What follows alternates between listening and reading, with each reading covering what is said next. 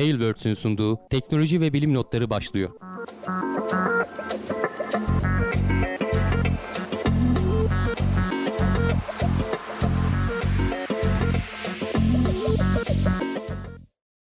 Teknoloji ve bilim notlarına hoş geldiniz. Ben Hamdi Kellecioğlu. Bu hafta karşımda Volkan Ekmen yok. Tek başıma bu hafta yayını sunacağım. Ee, hem yorumları takip etmeye çalışıp hem de haberler üzerine yorum yapmak çok kolay olmasa da bu haftalık öyle idare edeceğiz. Önümüzdeki hafta inşallah yeniden iki kişi e, ilerleyeceğiz. Hemen hızlıca haberlere geçelim. Ee, bu haftanın tabii ki hani asıl konusu geçen haftadan da biraz e, sürpriz olabilir demiştik ki e, haftanın sonuna kalmadan FAA'den izin geldi. E, Starship'in fırlatılacağı da aslında. Hatta bugün de işte e, son ana kadar geldi. E, haftanın nasıl konusu bu olacaktı ama Starship'i ne yazık ki bugün göremedik.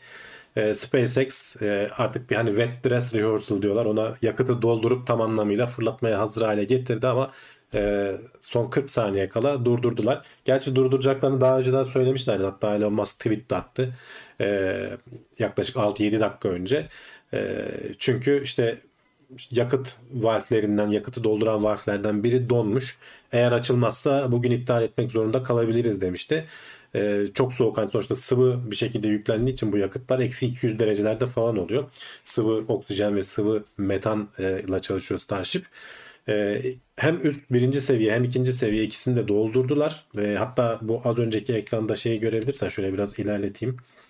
Ee, dış kısmının e, soğuktan dolayı şeyle buzla kaplandığını görebiliyorsunuz. Bakın aslında şurada alt taraf böyle beyaz bir şekilde görünüyor. Aslında gri görünüyor. Yakıtı doldurmaya başladıktan sonra böyle yavaş yavaş o kısmın beyazlaştığını görüyorsunuz. Ee, roket tamamen beyaz olduğu zaman tam dolu fırlatmaya hazır hale gelmiş oluyor. Onu denemiş oldular. Ee, şimdi tabii iptal ettiler. Ee, bir yaklaşık 48 saat falan yeniden bir böyle bakım çalışmaları, testler vesaireler falan yapılması gerekiyor. Ama sonuçta hani asıl hani bizim yıllardır beklediğimiz ben şöyle biraz geçmiş tarihe baktım. 2018'in son e, aylarında şey diye bahsetmişiz. E, işte BFR hani Big Falcon roketti. Onun ismini Starship değiştirdi diye konuşmuşuz. 2019'un başlarında işte Starship ne zaman fırlatılacak falan filan diye haberlerde geçmiş. Ee, yani dile kolay 4 senedir e, Starship'le yatıp kalkıyoruz aslında onun ne zaman fırlatılacağının haberlerini habire yapıp duruyoruz. Araya tabii pandemi girdi kolay değil.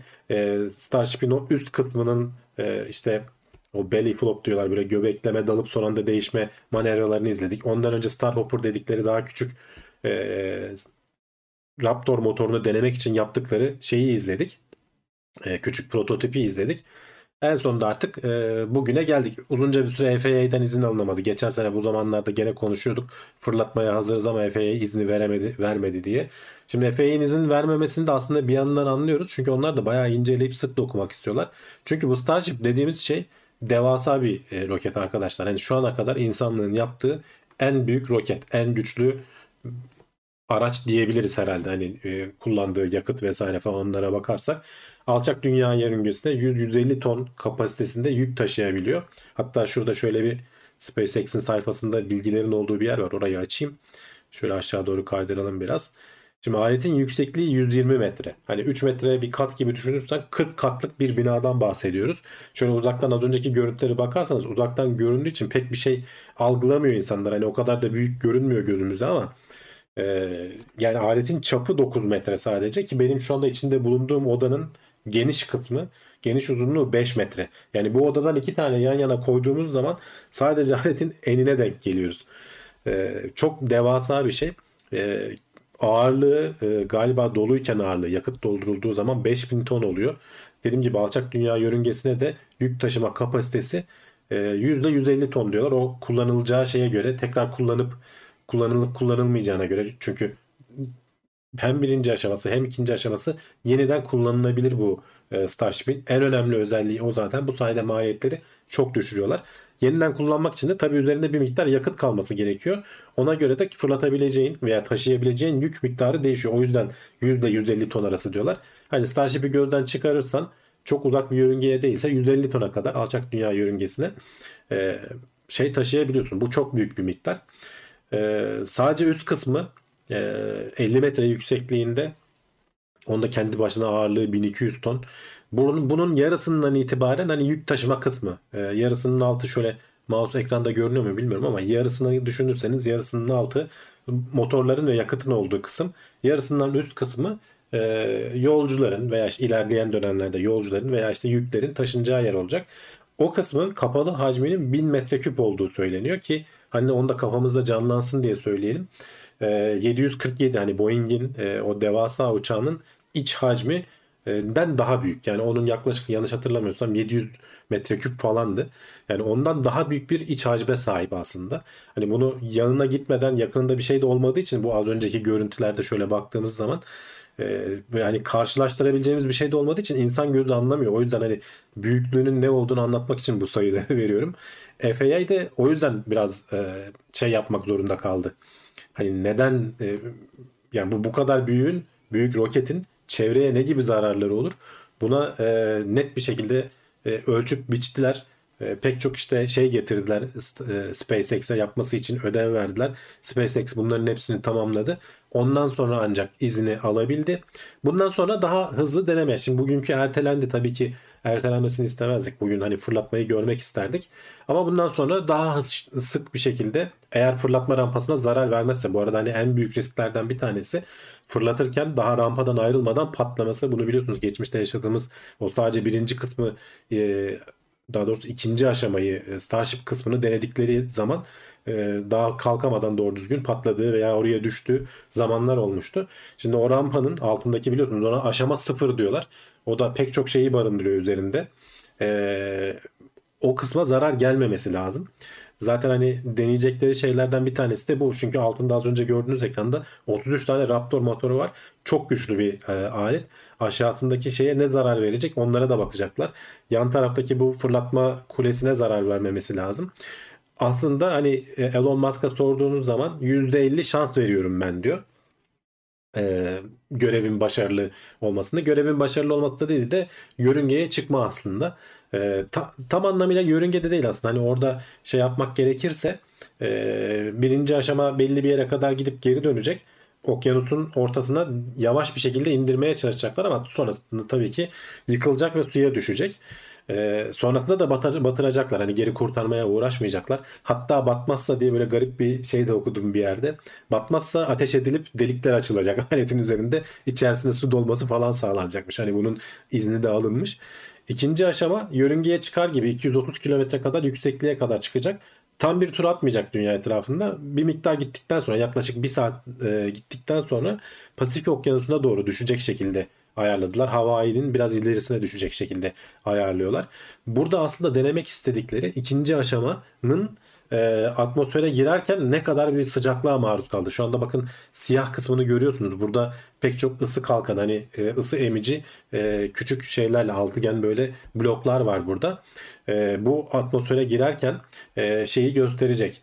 E, ne kadar e, ısıya maruz kaldı, ısıya dayanmasını sağlayan kısım aslında.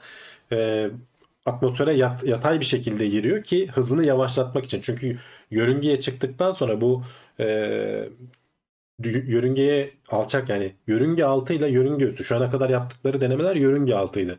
Bu e, Starship kısmının. Yörüngeye çıktığı zaman çok büyük hızlara ulaşıyorsun. Onun sönümlenmesi için çok ciddi e, bir e, şey gerekiyor. Ya yakıt kullanacaksın ya da işte böyle e, kendi enini kullanarak biraz böyle kanatçıklarını falan da kullanarak kendini baya baya yavaşlatabiliyor. E, son anda da dikey iniş için e, artık motorları son anda ateşleyip o dönüş hareketini yaptıktan sonra dikey bir şekilde inebiliyor. E, ama çok ciddi bir anlamda atmosferin etkisini kullanarak yavaşlatması lazım. Asıl deneyecekleri bu olacak. Bunu da kurtarmaya çalıştırmayacaklar. Gene okyanusa çakılacak. Hatta şey diyenler de var ondan emin olamadım. Bu kısım hatta ikinci kısım. Çünkü bunun dikey inişini zaten daha önce denediler. Hatırlarsanız onu da konuştuk kaç kere patladı. Dikey indirmenin nasıl nelerle karşılaşacaklarını biliyorlar. Burada e, okyanusa direkt hani yanlamasına çakılacak. Hiç dik, dik indirme o belly flop manevrasını yapmayacak diyenler de var. E, asıl denemek istedikleri çünkü e, şey olması. Hani ne kadar hızını azaltabildiği, bu üzerindeki e, ısı kalkanının ne kadar iyi çalıştığı bunları ölçecekler. Ama açıkçası hani benim mantığım pek de almadı. Yani e, son anda o belly flop manevrasını da denesin. Yani o göbekleme e, Türkçe artık nasıl çevrilir bilmiyorum. O manevrayı da niye denemesin diye düşünüyorum açıkçası. Göreceğiz. Hani bu hafta içerisinde tekrar hani FAA'dan gene bir izin alınması gerekiyor. Tabii ki kolay değil. Çünkü bir sürü e, şeyi kapatıyorlar. E, ne denir? Yollar kapatılıyor, gemilerin geçmesi kapatılıyor. E, pek çok önlem almak zorunda kalıyorlar. Bunların koordine olması gerekiyor. Hava sahasının kapatılması gerekiyor falan. Bunlar koordine olduktan sonra e, zaten hani bir iki gün e, SpaceX en az bizim e, bir bakımlarımız vesairemiz sürer dediler. Ondan sonra e, bu hafta içerisinde eğer gecikme olmazsa hani çarşamba perşembe günü e, tekrar bir deneme yapacaklar. Ama dediğim gibi hani bundan sonra e, FAA'den o bir kere izni aldıktan sonra e, şey yapabilirler. Daha hızlı süreci ilerletebilirler. E, ard arda Starship'in fırlatıldığını görebiliriz. E, bu yani bazen geçmiş bölümlerde de ben söylediğimizi hatırlıyorum. E, büyüklüğü dolayısıyla ve tekrar kullanılabilir olması nedeniyle uzay çağında kendine bir ayrı bir alan açacak, bir çığır açacak bir gelişmeye aslında tanıklık ediyoruz. Bu hakikaten uzaya erişimimizi erişilebilir hale getirecek. Yani sıradan insanların da şu anda işte milyonerler işte milyonlarca dolar verip uzaya gidebiliyorlar ama bu Falcon Falcon diyorum Starship ve sonrasında ee, onun rakipleri tabii hani diğer firmalarda harıl harıl çalışıyorlar. Tekrar kullanılabilir olması çok önemli burada. Bu teknolojiler sayesinde çok e, dediğim gibi kullanılabilir hale gelecek. Gerçekten Ay'a gitme, gerçekten Mars'a gitme, gerçekten alçak dünya yörüngesinde belki turistik geziler yapabilme çok daha e, erişilebilir hale gelecek. E, çok da gecikmeden bunları göreceğiz gibi gel- geliyor. Daha ayrıntılı konuşuruz zaten. E, ben hani şöyle genel bir özetleme yapmış oldum. E, bugün çünkü bir fırlatma, bir ateşleme bir şey göremedik. Son 40 saniyeye kadar her şey yapıldı. 40 saniye kadar durduruldu. E, olur böyle şeyler deyip yolumuza devam edeceğiz. Ee, şöyle yorumlara bakayım bir soru falan var mı onları göreyim. Ee, ne isim koyalım demiştim. Tikelme manevrası demiş Mahmut Yalçın. Evet o belly flop. Hani belly göbek zaten. Flop dediğimizde o dönüş manevrası. Ona böyle bir isim uydursak Türkçe'de güzel olur. Tikelme e, tam karşılamıyor gibi. Sıcaklık kalkanı tek bir yüzeyinde mi var demişler. Tek bir yüzeyinde var. Hani atmosfere maruz kalacak yüzeyi. Öteki tarafta zaten onun etrafından hani ayrı dinamik olarak e, hava etrafından geçiyor. Arka tarafını ısıtmıyor. Dolayısıyla tek bir hani atmosfere girerken hangi tarafıyla girecekse o tarafında var. Maliyeti azaltmak için sonuçta. E, bu ısı kalkanları da şey olacak. E, her uçuştan sonra belki veya birkaç uçuştan sonra yenilenmesi gerekecek. Çünkü muhtemelen e, dayanışları gitgide azalıyordur. E, bunları tuttururken falan da sıkıntılar yaşadılar. O altıgen şeyler falan bazıları tam sağlam durmadı yerinde falan. E, onları aslında test edecekler. Hani atmosfere girerken duruyor mu? Çünkü bir tanesi iki tanesi yerinden çıksa belki oradan aşırı bir ısı olacak e, ve hani belki zarar verecek. E, bunlar denenmesi lazım. E, bakalım hani takip edeceğiz. Şöyle bakıyorum. Sıradaki habere geçelim isterseniz. Geçen hafta aslında biraz konuştuk. Bizden bir haber. Göbekleme manevrası demiş bak Brave. Evet göbekleme manevrası e, biraz daha e, hem eğlenceli hem de biraz konuyu açıklıyor aslında. E, İmece uydusu geçen hafta pazartesi konuşmuştuk e, yayında fırlatılmak üzere yarın sabah fırlatılacak falan demiştik ama hava şartları nedeniyle Falcon 9 da fırlatılıyor bu arada. E, fırlatıldı daha doğrusu. Hava şartları nedeniyle önce bir gün ertelendi sonra bir gün daha ertelendi falan derken cumartesiye kadar geldik. En son cumartesi günü kazasız belasız bir şekilde fırlatıldı. Üzerinde sadece bizim uydumuz yoktu. Başka uydular da vardı. Bizim küçük küp uydularımız da vardı ama hani en büyük taşınan yük faydalı yük bizim imece uydumuzdu. O da yaklaşık 700 kilo mu ağırlığındaydı? 500 kilo ağırlığında mı neydi? Metre altı gözlem uydumuz aslında. E, yörüngesine yerleşmiş e, TÜBİTAK e, yöneticisi Hasan Mandıl'ın e, tweetinden gördüğümüz kadarıyla 12.24'te roketten ayrılmış. 12.29'da da yer istasyonundan ilk sinyali almışız. Ben buradayım demiş.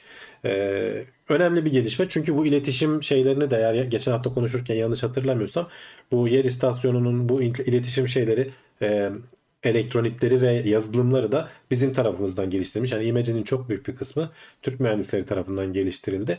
Dolayısıyla bu önemli gelişmelerden biriydi. Bundan sonra çekilen görüntüleri e, bize izlemek kalıyor açıkçası. E, bizimle paylaştıkça, gündeme geldikçe biz de şey yapabiliriz. bakalım görelim hani metre altı e, deyip duruyorlar. Ne kadar hani ayrıntılı. Tabii e, çok belki hani e, şey değil askeri bir uydu değil sonuçta hani sivil amaçlı uydu diyorlar ama belki de çok da paylaşmak istemezler. Çünkü metre altı deyip duruyorlar kaç santimetre olduğunu da söylemiyorlar açıkçası. Bir yandan da öyle bir durum var. Ee, Ege Otomasyon demiş ki uzay mekiğinde kullanılmış demiş aerojeller. Ya evet uzay mekiğinin altında da e, o şeylerden var. ısı kalkanından var ama yanlış hatırlamıyorsam şimdi onların çeşitleri var. Bu ablative dedikleri gitgide kendini de tüketerek buharlaşarak ısıyı etrafa yayan bir e, teknoloji kullanılıyor. Bu e, Orion kapsülünde falan da onlar kullanılıyor. E, bununki öyle değil. Bu hani kendini tüketerek değil ısıya direnerek hayatta kalmaya çalışıyor. Zaten Starship'in kendisi de bu arada tamamen e, çelikten yapıldığı için e, ısıya dayancı nispeten yüksek. Hani diğer e, şeyler gibi değil. E, dolayısıyla o yüzden hani tercih edilmesinin sebeplerinden bir tanesi de o hem kolay işlenebilmesi, sürekli üretebilmek ve tekrar tekrar denemek açısından hem de ısıya karşı dayanıklı olması önemli. Şöyle bakayım. Brave bu arada TeknoSeyir üyeliği hediye etti 10 kişiye sağ olsun. Teşekkür ediyoruz. E, da selam demiş. Buraya yetiştim demiş. Hoş geldin. Fazla da geç kalmadın. E, uzay haberlerinin daha yarısına geldik diyebiliriz. İmece'yi de konuştuk. Takip edeceğiz dediğim gibi önümüzdeki günlerde. Geçen haftanın önemli olaylarından bir tanesi, gene uzayla ilgili önemli olaylarından bir tanesi de e, Avrupalıların bir uzay aracı uzaya gönderildi. E, Jüpiter'in uydularını e, görüntülemek, e, onların etrafında e, dolaşmak amacıyla uzun bir yolculuğa çıktı. Yaklaşık 8 yıllık bir yolculuğa çıktı. JUICE e, görevin ismi. E, bu e, Avrupa'dan gene işte Fransız e, Ariane roketiyle fırlatıldı. E, dünyadan fırlatılacak. Şimdi işte dünyanın etrafında bu arada şeyde görüyorsunuz videoda gösteriliyor. E, birkaç tane e, manevra yapacak ki dünyanın şeyinden yararlansın. Çekim gücünden yararlansın. E, iki kere falan dünyanın yanından geçecek. Sonra Venüs'ün yanından geçecek. Onun hızından yararlanacak. Ekranda tarihlerini de görüyorsunuz. Gerçi benim resmim geliyormuş. Şöyle şöyle kendimi kaldırayım. Heh. Venüs'ün çekim kuvvetinden yararlanacak. Sonra tekrar dünyanın çekim kuvvetinden yararlanıp Jüpiter'e doğru e, yol almaya başlayacak. 2031 yılında Jüpiter'e ulaşması bekleniyor. Yani 8 yıllık bir yolculuktan sonra ne kadar uzak olduğunu Jüpiter'in böylece anlıyorsunuz. Zaten yörüngelerden de görmek e, mümkün. Hani Mars'a kadar olan 4 gezegen iç gezegenler diye geçiyor. Sonra arada bir işte asteroid kuşağı var. Ondan sonra da Jüpiter e, ve diğer dış gezegenler başlıyor. Arada ciddi mesafe var. Hani biz Mars'a gitmek bile uzun diyoruz. Jüpiter'e gitmek işte 7-8 yıl sürüyor. Gerçi önümüzdeki yıl e, bu Avrupalıların ESA'nın bir e, şeydi göreviydi. Önümüzdeki yıl NASA'nın da bir görevi olacak. E, Europa Clipper diye. E, o e, daha güçlü bir Falcon Heavy ile fırlatılacak. Dolayısıyla daha kısa bir yol izleyecekmiş. 2030'larda önümüzdeki yıl fırlatılmasına rağmen 2030'larda şeye ulaşacak e, Jüpiter'in yörüngesine ulaşacak. Onun isminden de anlaşıldığı gibi Europa Clipper Europa e, uydusunu şey yapacak. E, bu JUICE 3 tane uyduyu şey yapacak. Europa, e, Callisto ve Ganymed. Daha çok Ganymed'in e, etrafında dolaşacak diyor. Bu 3 uydu da zaten hani Jüpiter'in ki hani Jüpiter diyorlar ki kendisi küçük çaplı bir güneş sistemi gibi. Etrafındaki uydular gerçekten büyükler. Hani biz uydu diyoruz ama Ganymed zaten güneş sistemindeki en büyük uydu. Bizim ayımızdan falan birazcık daha büyük. E, Callisto da öyle aslında. E, ve hepsinin de dış katmanları buzla çevrili. E, bu Ganimet güneş sistemindeki e, kendi manyetik alanına sahip olan tek uydu. Dolayısıyla içerisinde hareket halinde hani sıvı halde bir çekirdeği var. Ee, ve bu bir çeşit manyetik alan oluşturmayı başarıyor. Etrafında da dış kısmı da e, buz tabakasıyla kaplı. Biliyorsunuz o özellikle Avrupa falan gibi geçmişte de çok çok konuştuk. E, onun o buz katmanının altında e, bu Jüpiter'in çekim etkisiyle gelgit nedeniyle e, içerisinin ısındığı ve bir şekilde sürekli e, sıvı halde suyun bulunabildiğini tahmin ediyoruz. Ve bir yandan da gözlemliyoruz aslında o geyserler fırlatıyor çünkü püskürtüyorlar bu suları. Hatta geçmişti bölümlerde de bunu konuşmuştuk. Fotoğrafları falan da çekilmişti. Bu e, hem Clipper hem bu, bu Juice bu şeylerin içerisini e, uyduların içerisini daha ayrıntılı bir şekilde inceleyecekler. Ve gelecekte hani buralara artık yüzeye indirebileceğimiz bir araçları falan ne zaman yapacağımızı planlayacağız. Ama gördüğünüz gibi çok uzun zamanlar alıyor. Yani gitmesi bile 7-8 yılı buluyor. İşte 3-4 yılda orada çalışsa 2035'lere kadar e, bu JUICE'den konuşacağız. Clipper da aynı şekilde. Biraz daha belki görev süresi de uzar. Çünkü 2016'da giden bir e, NASA'nın aracı var Juno. 2016'da oraya ulaşmıştı. Hala yanlış bilmiyorsam e, dünyaya data göndermeye devam ediyor. Dolayısıyla hani uzun dönemli projeler bunlar. Özellikle de dış gezegenleri inceleyeceğimiz zaman. E, büyük demiştim. Şurada şöyle bir fotoğraf buldum. Bakın e, alt taraftaki şöyle biraz boyutunu küçültebilirsem tam ekrana sığsın. Şimdi sağ üst köşedeki bizim e, ayımız. E, sol alt tarafta Ganimet. Hani en büyük e, ay e, uydu daha doğrusu ay demek yanlış olur uydu. Hemen yanında Kalisto onu da neredeyse ganimet kadar büyük ki Avrupa'da neredeyse bizim ayımız kadar büyük görüyorsunuz. E, Io da ayrıca gene Jüpiter'in diğer uydu, bir tane diğer bir uydusu. Bu dört uyduya da bu arada Galilean e, uydular deniyor. Çünkü Galile e, bu Jüpiter'in uydularını teleskopla görmeyi başarmış. Oldukça büyük uydular çünkü. Uzaktan hani o Galile'nin zamanındaki nispeten ilkel teleskoplarla bile dünyadan baktığın zaman bunları görebiliyorsun. Dolayısıyla özellikle ama şu üç tanesini e, bunlar çünkü etrafında buz tabakaları olduğu için bizim ilgimizi çekiyor. Bunların altında e, sıvı okyanusların olma ihtimali ve orada canlılığın bulunma ihtimali gerçekten yüksek. E, hatta diyorlar ki yani güneş sisteminde bir canlılık arayacaksak özellikle buraya. Satürn'ün de uydusu var. E, o biraz daha uzakta. Oralara da belki günün birinde gidilecek. E, ama e, Avrupa ilk ulaşmaya çalıştığımız hedeflerden bir tanesi. E, bu geçen hafta içerisinde fırlatıldı. Dediğim gibi uzun bir yolculuktan sonra oraya ulaşacak. E, ESA'dan hani çok fazla görev görmüyoruz ama işte e, onlar da çok kritik zamanlarda önemli görevler gerçekleştirebiliyorlar. E, bakalım sonuçta gene işbirliği var tabii ki. Hani burada sadece ESA değil diğer e, uzay ajanslarının da enstrümanları var aletin üzerinde. İlginç bir istatistik var onu da söyleyeyim. Bu yazıda e, ondan bahsetmişler.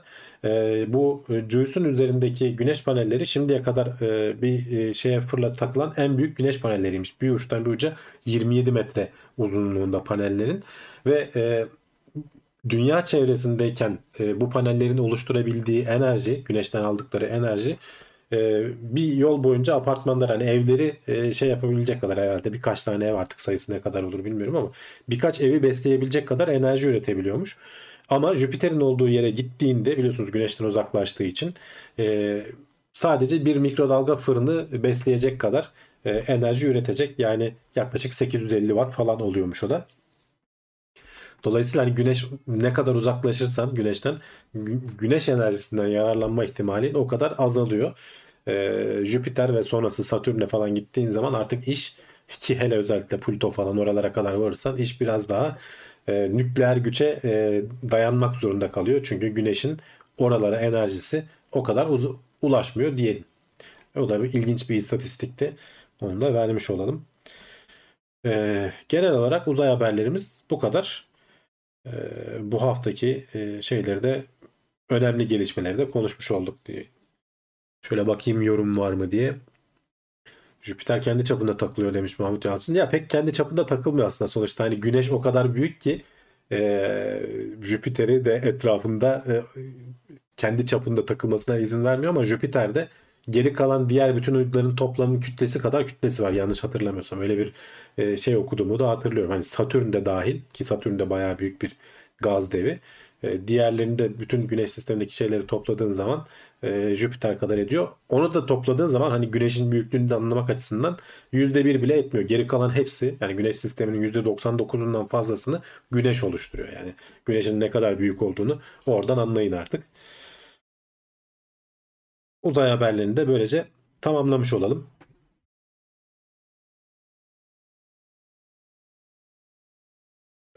Genç Osman demiş ki e, Jüpiter'in üstünde ayakta dursak nasıl hissederiz acaba? İyi kas yaparız 3 ayda demiş. Şimdi Jüpiter'in üstünde ayakta duramazsın çünkü bir gaz devi. E, merkezine kadar gidersin. İçerisinde bir yerden sonra e, katı bir çekirdek vardır diye tahmin ediyoruz ama var mı yok mu da bilmiyoruz. Çünkü gözlemleyemiyoruz. E, ama Jüpiter'in hani yüzeyinde ayakta duramazsın. Ama tabii ki e, o büyüklükte bir hani şey olduğunu düşünürsen, kaya gezegen olduğunu düşünürsen e, hakikaten iyi kas yaparsın ya da yapışırsın yani çünkü çok büyük. E, kas yapmaktan ziyade ezilirsin diyelim.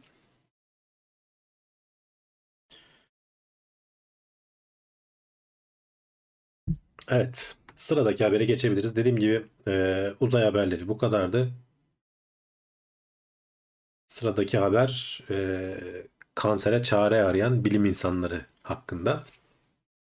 Bir grup bilim insanı e, vücudumuzda zaten olan e, hücreleri kullanarak, daha doğrusu bakterileri kullanarak kansere karşı savaşabilir miyiz diye bir araştırma yapmışlar ve gayet de e, olumlu sonuçlar elde etmişler. E, bu araştırmada yaptıkları şey aslında bizim derimizin üzerinde yaşayan hani biz hep e, bakterilerle birlikte yaşıyoruz falan dediğimiz zaman böyle bağırsaklardaki bakterilerden falan bahsediliyor genelde. Bizim gündemlerde de hep bağırsak beyin ilişkisi falan filan gibi iç organların e, beyinle ilişkisi gibisinden şeyler konuşuyoruz. Oradaki işte mikrobiyomun, e, ortamın, e, bakteri ortamının işte Alzheimer'dan tutun da kilo almaya kadar, diyabete kadar pek çok etkisinin olduğunu konuştuk. Ama bir yandan da derimizin üzerinde de bizimle birlikte yaşayan, e, bizim işte vücut sıvılarımızı tüketen ve onlar da kendi sıvılar salgılayan ve bizim belki de e, kötü bakterilere karşı korumamızı sağlayan, korunmamızı sağlayan e, bakteriler de var. Ve bunların hani önemli bir kısmı zararsız bakteriler. Zaten hani zararlı olsalar bizimle birlikte yaşayamazdık. O bir doğal seleksiyon olurdu. Şimdi bunları bu bakterilerin yeni bakteriler sisteme dahil edildiğinde yani vücudun üzerine derinin üzerine sürüldüğünde vücutta bir e, bağışıklık tepkisi olduğu gözlemlenmiş e, ve bunu kullanarak acaba bir çeşit aşı gibi bir e, teknik geliştirebilir miyiz diye araştırıyor bilim insanları. Bunun için de insanda e, insanlarda genelde bulunan e, Staphylokok e, epidermidis denilen bir bakteriyi e, kullanmışlar. Bu bakteriyi e, alıp şeyle e, genetiğini oynayarak e, fareler üzerinde yapıyorlar bu deneyleri tabi bu arada.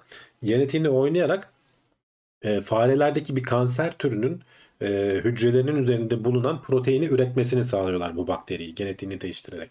Sonrasında da bu bakteriyi farenin kafasının üstüne sürüyorlar. E, bakın vücuduna enjekte ediyorlar falan demiyorum. Bayağı bildiğiniz pamuk e, şeyiyle e, ürettikleri bu bakteri kültürünü hayvanın üzerine şu şekilde sürüyorlar kafasının üzerine ve sonrasında da gözlemlemeye başlıyorlar. Bir grup e, deney e, faresinde de genetiği değiştirilmemiş aynı bakteriyi sürüyorlar gene onların da ve ikisine de e, daha önceden başka bir e, kanserli fareden aldıkları hücreleri enjekte ediyorlar. Böylece farelere aslında kanser e, tümör oluşmasını sağlıyorlar. İkisini de sonrasında takip etmeye başlıyorlar ve e, bu e, kanserli hücrelerle genetiği değiştirilmiş bakterilerin bir vücutta e, bağışıklık tepkisi oluşturduğunu o e, pamuğun sürüldüğü farelerde e, herhangi bir tümör görülmezken diğer farelerde ciddi anlamda bir tümör e, oluşumu gözlemlendiği tespit ediliyor. Yani e, ve bu sonuçta yani bu sonucun sadece derinin üzerine sürerek bu sonucu almayı biz de beklemiyorduk diyorlar. Hani bu kadar etkili olabileceğini biz de beklemiyorduk diyorlar. E, yani ileride bunun hani insanlara aktarılması için tabii henüz daha çok çalışılması gerekiyor. E, çünkü sonuçta e, aynı bakteri kullanılabilir mi veya işte kanser türü neyse onun üzerindeki protein nedir? O protein başka hücrelerde var mı yok mu? Bunların tabi tespit edilmesi gerekiyor tekrardan ve bunların yine ayrıca ayrıyeten e, hayvanlar üzerinde denenmesi gerekiyor. Ondan sonra insanlara gelecek ama günün birinde eğer bunu başarılı olup da bu noktaya ulaşabilirsek ki hani bu kanserli hücrelerin üzerindeki şeyi bulmak, e, özel proteini bulmak ve bağışıklık sistemi onunla tetiklemek şu anda mRNA aşılarının da yapmaya çalıştığı şeylerden bir tanesi bu. Ee, o zaten zor olan kısımlardan biri o. Doğru proteini bulup o proteini e, tetiklemeyi başarmak. Ama işte burada şeyin güzel yanı e, ki yani e, bilim insanlarının da söylediği ya diyorlar ki çok basit hani derinin üzerinde bir şey sürdüğümüz bir şey e, 10 gün gibi çok kısa bir süre içerisinde bağışıklık tepkisi oluşturuyor ve bunu e, şey yapabiliyoruz. E, çok uzun yıllar bunun etkisi devam edebiliyor. Çünkü o bakteriler yok olmuyor sonuçta. Orada üremeye devam ediyorlar. E, ve onlar üredikçe onların oluşturduğu protein senin bağışıklık sistemini tetikliyor. Senin bağışıklık sisteminde o proteinleri e, oluşturan kanser hücrelerinin peşine düşüyor ve kanserlerin oluşmasını engelliyor. Hatta şeyi de denemişler. Burada hani kanserli olmayan bir fareye sonradan enjekte ediliyorlar. Onda kanser oluşmadığı gözlemlen, gözle, gözlemlenmiş. Ama e, zaten kanser oluşmuş büyük tümörleri olan farelere de aynı terapiyi uyguladıklarında bir süre sonra o kanserlerin küçülmeye başladığını e, gözlemlemeyi başarmışlar. E, gerçekten gelecek vadeden gelişmelerden bir tanesi. Hani e, buradaki uzman da bu e, şeyi inceleyen e, uzman da e, diyor ki hani çok basit bir yöntemle belki hani birine basit bir şekilde kulağının arkasına küçük bir pamuk sürerek ileride belki aşılama faaliyetleri yapabiliriz. Bu sadece kanser için değil işte ne bileyim bazı e, alerjileri engellemek için de kullanılabilir. E, başka türlü hastalıkların önüne geçmek için de e, genetiği değiştirilmiş bu bakterileri basitçe derinin üzerine sürerek kullanabiliriz diyorlar. Önemli gelişmeler ama henüz dediğim gibi biraz emekleme aşamasında ama çok hızlı ilerlediğini de söyleyebilirim. Şöyle bakalım yorumlara.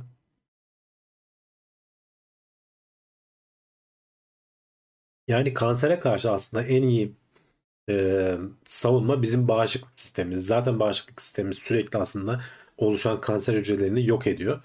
Ama bazı kanser hücreleri bundan kaçmayı başarıyorlar bir şekilde bağışıklık sistemine ben dostum kardeş deyip bana bulaşma demesi, demeyi başarıyorlar ve sonra da kontrolsüz bir şekilde bölünüp zaten e, e, kişiyi ölüme götüren şey bu hücrelerin kontrolsüz bir şekilde bölünüp sistemi bozması oluyor. Eğer bir şekilde bağışıklık sistemine yani bilim insanları özellikle buna çok çaba harcıyorlar. Eğer bir şekilde bağışıklık sistemi tetiklenebilirse bu hücrelere saldırmak için ama orada da iki ucu keskin bıçak bağışıklık sisteminde biliyorsunuz otoimmün hastalıklar var. Bağışıklık sisteminin kendi kendine zarar verdiği, vücuda zarar verdiği e, durumlar da mevcut. Yani bıçağı dikkatli kullanmazsan elini bacağını da kesebiliyorsun. O yüzden e, çok kontrollü bir şekilde yapılması gerekiyor. Kanserden kurtulacağım derken e, atıyorum başka işte sinirsel hastalıklar vesaire otoimmün hastalıklarına yakalanmamak e, önemli. Bunların çözümlerini arıyorlar zaten e, bilim insanları. E, Serkan Cebeci demiş ki bakteriler eğitilebiliyorsa düşünüyorlar mı konusunu çıkarmıştı ortaya. Perfect killer diyorlardı bu çalışmaya sanırım bir yerde. E şimdi eğitmiyorlar bakterileri. Genetiğini değiştiriyorlar. Yani eğitme diye bir şey söz konusu değil. Hani eğitmek dediğin şey için bir e, sinir sistemi falan gibi bir şey olması gerekir. Hani öğrenme mekanizmasının olabilmesi için. Bakterilerde öyle bir şey söz konusu değil. Burada tabii ki yani genetiğini değiştirip o proteini üretmesini sağlıyorlar. Vücut da o bakteriyi tanıyor, proteini bir şekilde tanıyor. Sonra o proteini üreten başka hücrelere de saldırabiliyor. İlaç sektörü sanki bu tarz çalışmaların gelişmesini ağırdan alıyor demiş Ünsal Hanoğlu. Ya zannetmiyorum. E, çünkü e, sonuçta bunları araştıranlar da gene e, biyomedikal firmalar. Hani birbirlerine rakip de olabilirler. Hani bir atıyorum büyük ilaç firması bunu engellemeye çalışır, yavaşlatır ama sonuçta genç bir firma işte mesela BioNTech hiç ortalıkta olmayan bir firmaydı. Bir anda e, devasa bir firma haline geldi. Bu alanda mRNA alanında çalışan. Onları kim durduracak? Yani niye nasıl durduracak? E, onları durdursalar başka bir küçük firma çıkar. Başka bir şey olur. Hani o tarz rekabet olduğu için kolay kolay durdurabileceklerini ben zannetmiyorum. Ama tabii ki çok ince, çok hassas bir şekilde kontrol edilmesi, araştırmaların yapılması gerekiyor. İlaçlar, ilaç sektöründe biliyorsunuz 10 yıl, 15 yıl, 20 yıl sürüyor araştırmalar.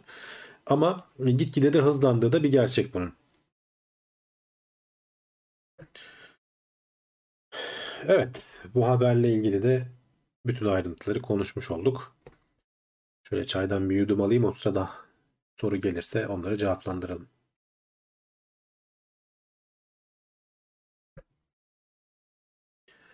Sıradaki habere geçiyorum. Bu e, benim gibi yeni arabayı, yeni araba kokularını seven insanlara gelecek.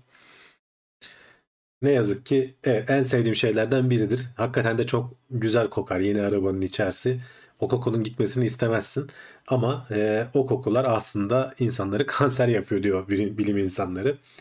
E, çünkü sonuçta e, orada işte pek çok malzeme kullanılıyor, yapıştırıcılar kullanılıyor, e, işte suni üretilmiş deri kullanılıyor atıyorum veya işte o e, fabrikadan çıkan e, şeyler kullanılıyor, ne denir, kumaşlar kullanılıyor. Bunların hepsi e, özellikle de araba sıcakta kaldığı zaman ki burada bilim insanları e, 12 gün boyunca arabayı e, açık alanda bırakmışlar ve e, sonrasında e, içerisindeki o havaya uçuşan zararlı gazlar hani hangi gazlar dersen de işte benzen, formaldehit, asetaldehit gibi kanserojen etkileri de olan gazlardan bahsediyoruz. Bunlar kimyasallar sonuçta bu ürünlerin üretiminde kullanılan kimyasallar. Güzel kokuyu sağlayan bunlar değildir herhalde ama bunlar da yanında geliyor. Özellikle de diyorlar ki yeni araçlarda, yeni üretilen şeylerde güneşin de etkisiyle ki sıcaklıklar hani bu deney boyunca 12 gün boyunca 21 dereceden 63 dereceye kadar sürekli e, bir döngü halinde devam etmiş. E, dolayısıyla şöyle aşağıda bakın bir grafiği de var. Bu kötü gazların oluşma eğrileri her gün sıcaklık arttıkça bu gazların e, salınması da artmış düzenli olarak. İki farklı şeyde denemişler. Şimdi bir taksi sürücüsüysen yaklaşık 11 saat falan günlük çalışma şeyinde buna maruz kalıyorsun. Ee, bir yolcuysan da yaklaşık bir buçuk saat buna maruz kalıyorsun gibisinden bir hesap yapmışlar.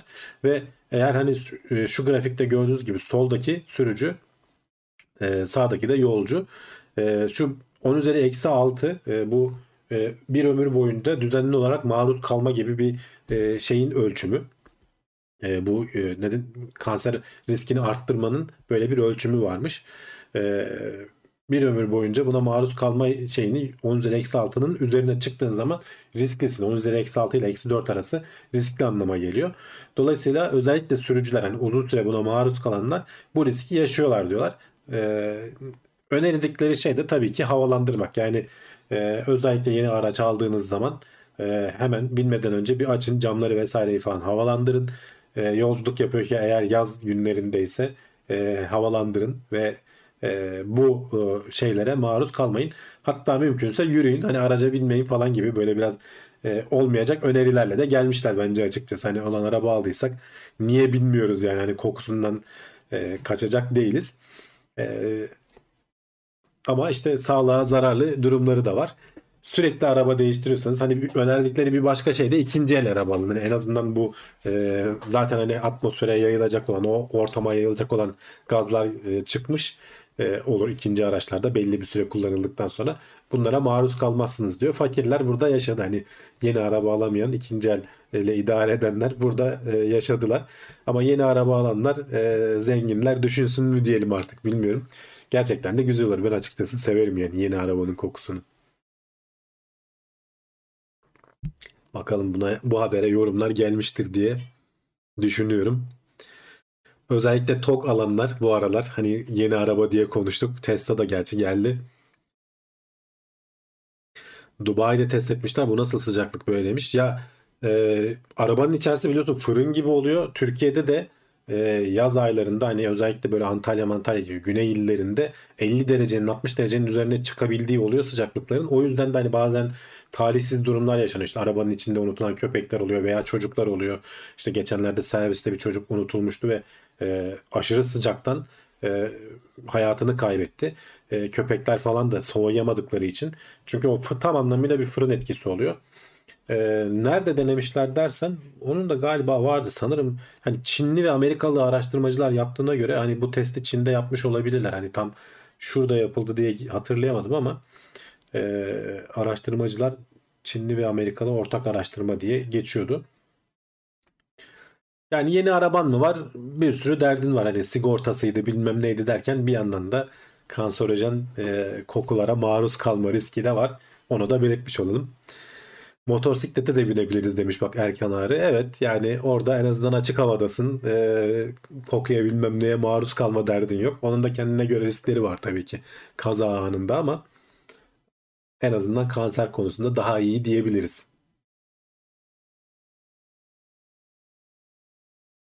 Kibar Konan demiş ki zengin olmanın dertleri her sene arabayı değiştirmemek lazım. Evet her sene değiştirmemek lazım.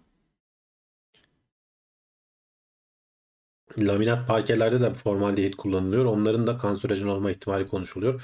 Evet yani en azından e, belli bir miktar e, belki yeni üret şey yapıldıktan sonra üretilip döşendiyse e, belli bir miktar havalanıp kullanıldıktan sonra belki e, artık atmosfere salmayacak hale geliyordur.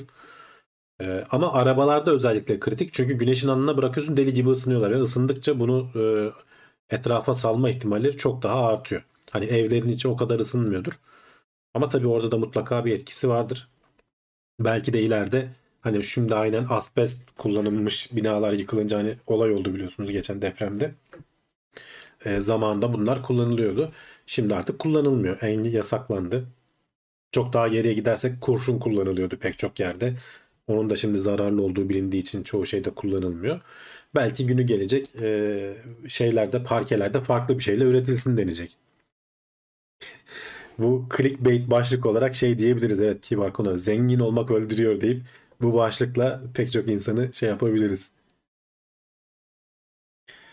İlk 1-2 dakika camları açık tutmak lazım. Evet yani bindikten sonra e, hele yaz sıcağında bindikten sonra e, camları bir miktar açık tutarsın. Zaten klima da hani kendine gelip içeriği soğutana kadar e, birkaç dakika camlar açık olur. En azından içerisi bir miktar soğur. Bir hava sirkülasyonu olur.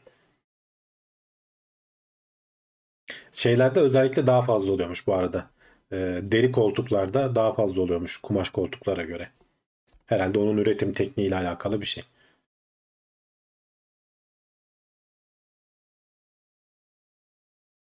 Evet, sıradaki habere geçelim arkadaşlar. Yapay zeka ile ilgili bu haftayı da boş geçmedik. Sıradaki haber gene ChatGPT ile ilgili. Ee, biliyorsunuz e, ChatGPT bu aralar çok konuşuyoruz. Ee, pek çok işte avukatlık bar e, baro sınavını geçtiğinden bahsediyoruz. İşte Amerika'daki e, TUS'a karşılık gelen yanlış bilmiyorsam e, MLE denilen bir sınavları var onların. E, onu geçtiğinden bahsediliyor. E, bu chatbotların e, yarın bir gün işte avukatların, doktorların elinden e, işlerini alacakları veya en azından onlara yardımcı olacakları üzerine biz de konuştuk. Böyle senaryolardan bahsettik. E, Amerika'da çalışan bir e, acil serviste çalışan bir doktor e, bu ya gerçekten böyle mi acaba diye denemek istemiş.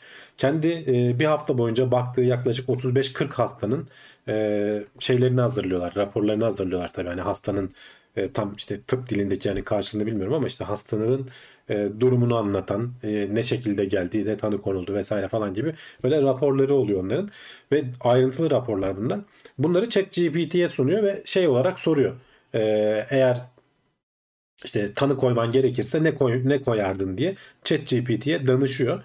E, ve hani aldığım sonuçlardan hem etkilendim hem de korktum diyor e, bu doktor. Çünkü yaklaşık yarısına e, yakını ayrıntılı bilgi olan şeylerde ChatGPT doğru sonuçlar vermiş. En azından hani nokta atışı söylemiyor. Şudur demiyor ama seçenekler sunuyor sana. 4-5 seçenekten bir tanesi mutlaka olanlardan e, hastanın gerçekten hastalığını tutturdu diyor. Ama %50 de o kadar iyi bir rakam değil diyor. Eğer acil serviste biz %50 ile çalışsak diyor insanlar bizi öldürürdü diyor. E, doğru tanı koydukları mesela işte bakıcı dirseği sendromu deniyormuş. E, böyle çocuğu elinden tutup kaldırdığında şu dirsek kısmından çıkıyor galiba çocuğun kolu ve işte bir ağrı oluyor. Yerine oturtması çok kolay. E, herhangi bir atel vesaire falan da kullanılmıyor işte e, doktora gittiğin zaman. Mesela bununla ilgili e, yaklaşık 200 kelimelik bir ayrıntı verdiğim zaman doğru tanıyı koyabildi diyor. Veya işte hastanın bu göz çukurunda galiba bir kırık mı ne oluşmuş. 600 kelimelik bir e, bununla ilgili yazı yazdığında e, ayrıntılı bilgi verdiğinde buna da doğru tanı koydu diyor.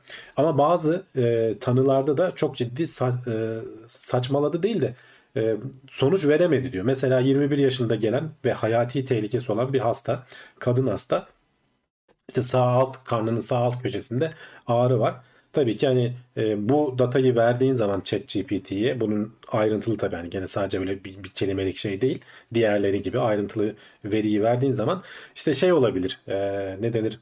E, apandisit olabilir veya işte e, yumurtalık kisti olabilir falan gibisinden olabilecek tahminleri söyledi diyor. Ama mesela ekstra sorması gereken, e, alması gereken şeyler var diyor ve ChatGPT bu konuyu hiç gündeme getirmedi diyor. Bu hastanın sorunu ektopik gebelik deniyor. E, yumurta rahim içerisinde döllenmiyor da o fallopian tüp denilen yumurtalıktan çıkıp rahime gelirken yumurta arada bir yerde dölleniyor ve orada büyümeye başlıyor. Ve büyüdükçe o tüpü yırtıp iç kanamaya neden olup hastayı öldürebiliyor. E, dolayısıyla çok tehlikeli bir şey ve doğru tespit edip hemen zaten e, ameliyata almışlar hastayı ve kurtarmışlar buradaki hastayı. Ama ChatGPT burada çok büyük çuvalladı diyor mesela. Çünkü hastanın diyor e, bu arada şey şöyle de bilginç de bir istatistik de vermiş. E, acil servise gelip de hamile çıkan e, kadınların %8'i e, hamile cinsel yönden aktif değiliz diyorlar.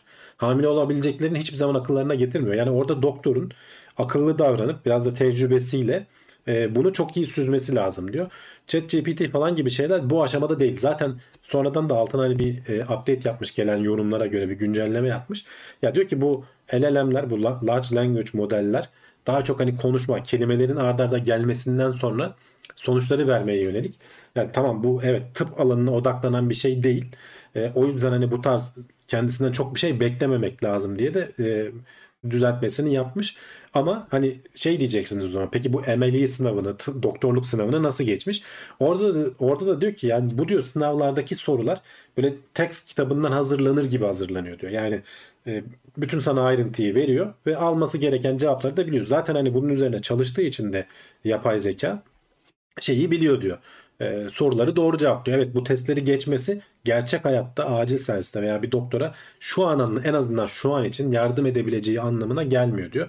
Pek çok şey var. Mesela burada işte hamilelik üzerinden örnekler vermiş ama mesela başka şeyler de olabilir diyor. Mesela bileğim ağrıyor diye gelen bir hastaya e, sen e, şey çıkabilir diyor. Psikosomatik yani e, kadının torunu düşmüştür. Bileği kırılmıştır.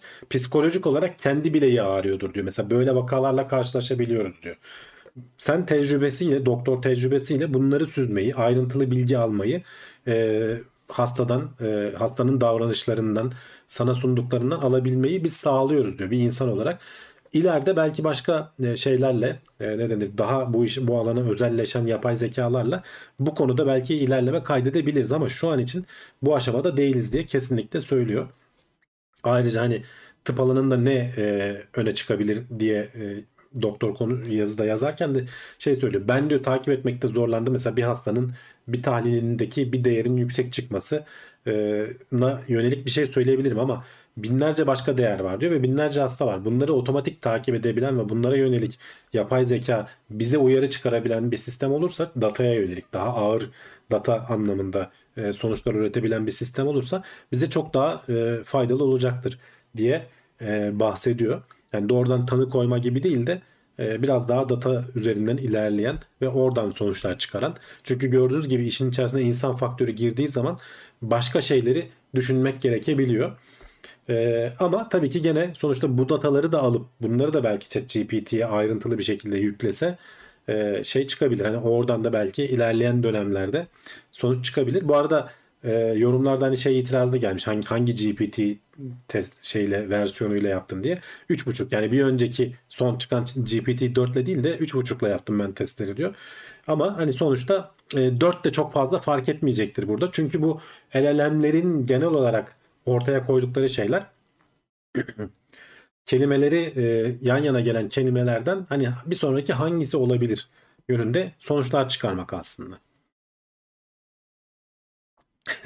Kibar Conan ChatGPT damar damar üstüne binmiştir diye cevap vermiş olabilir diye evet. O şekilde de cevap verirse zaten bizim annelerimizin seviyesine gelmiş oluyor yapay zeka. Şöyle bakalım yorumlarda. Biraz boğazım ağrıdı. Şöyle bir iki yorum okuyayım. Doğru bilgi vermişse niye korkmuş demiş Ersoy Balcı. İşte bazılarında vermiş ama bazılarında da çok kritik hataları yerleri atlamış. O da biraz işte e, dediğim gibi sosyal yetilerinin henüz olmamasından, data daha ağır dataya yönelik olmasından bu yapay zekaların.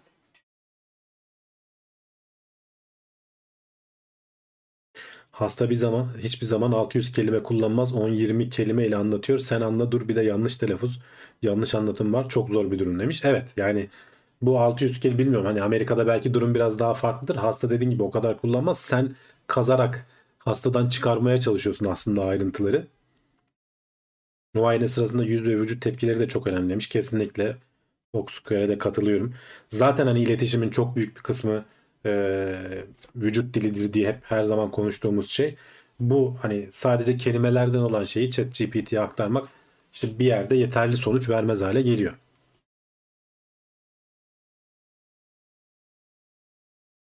Ama yani işte sadece veriye, ham veriye dayalı sonuçlar olursa mesela işte binlerce hastanın kan verisini hızlıca takip edebilir. Bunlar arasında ilişkiyi bulup sana çıkarabilir. Ee, ya da ne bileyim işte görsel olarak mesela Ege Otomasyon demiş ki dermatolojide çok başarılı. Cilt kanserlerini iyi teşhis edebiliyor.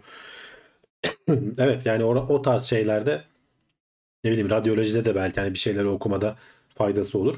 Ama işte böyle acil servis olsun, psikoloji olsun falan bu alanlarda e, belki biraz daha zamanı var. Ama sonuçta oraya doğru gidiyor bu işler.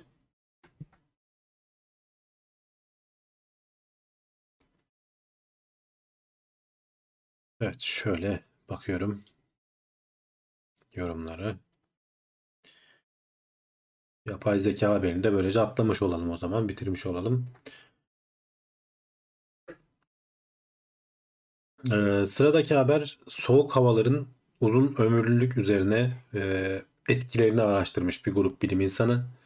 Bununla ilgili daha önce geçmişte tam sebebini bilmiyoruz ama havaların soğumasının en azından hani orta seviyede bir miktar soğuk vücut vücut soğukluğu daha doğrusu hani vücut ısısının düşmesi diyeyim e, ömrü uzattığına yönelik e, bir korelasyon bulunuyor. Tam sebebi nedir bilinmiyor. Bununla ilgili araştırmalar devam ediyor. Burada bilim insanları e, bir e, kurtçuk üzerinde araştırma yapmışlar. Hani bu kurtçuğu seçmelerinin sebebi de işte şurada şey yazıyor şimdi telaffuz etmem zor. E, Canorhabditis elegans e, kurtları üzerinde. Çünkü bunun e, genetik olarak bazı şeyleri insanlara çok benziyormuş. O yüzden bu kurtları tercih ediyorlarmış araştırmalar yaparken. E, bunlar üzerinde araştırmalar yapmışlar ve e, belli bir e, şey sıcaklığı, ortam sıcaklığı düştüğü zaman dolayısıyla hani bu kurtların vücut sıcaklığı da düşüyor. Belli e, genlerin işlenişi değişiyor. Dolayısıyla hücrenin içerisinde normal metabolizma faaliyetlerinden oluşan zararlı protein birikmeleri biliyorsunuz pek çok hastalığa neden olabiliyor diyorlar. Bu protein birikmelerini engelleyebilen bazı enzimler var, bazı şeyler, süreçler var. Bu süreçleri tetikleyen şeyler ortamın bir miktar soğuması. Bununla ilişkili olabilir diyorlar. Hani uzun ömürlülük e, ya da soğuk ortamlarda ömrün artması e, bununla ilişkili olabilir diyorlar. İnsanlar üzerinden deneme yapmamışlar. E, insan hücreleri üzerinde laboratuvar ortamında denemeler yapmışlar ve bu kurtçuklar üzerinde denemeler yapmışlar ve her seferinde bu şeylerin e, proteazom deniyor bunlara. O proteinleri e, şey yapan biriken o zararlı proteinleri yok eden etmenlerin e, tetiklenip daha fazla üretildiklerini gözlemlemişler. Bunlarla tabii hani e, soğuk olmadan da genetiğini oynayarak bu e, sonraki aşamalarda bu kurtçukların genetiğini oynayarak soğuk olmadan da veya belli faktörlerle bu proteozomların üretilmesini tetikleyebilir miyiz? Böylece işte ALS olsun, Huntington's disease gibi böyle e, bazı hastalıklar bu protein birikmesinden kaynaklanan kaynaklandığını düşündüğümüz hastalıklara bir çözüm olarak bunu kullanabilir miyiz diye araştırma yapıyorlar. Bilmiyorum hani doğrudan birebir ilişkili midir değil midir e, soğuk ortamların şey yapması ama şöyle ilginç bir ben de gündemde konuştuğumuzu hatırlıyorum.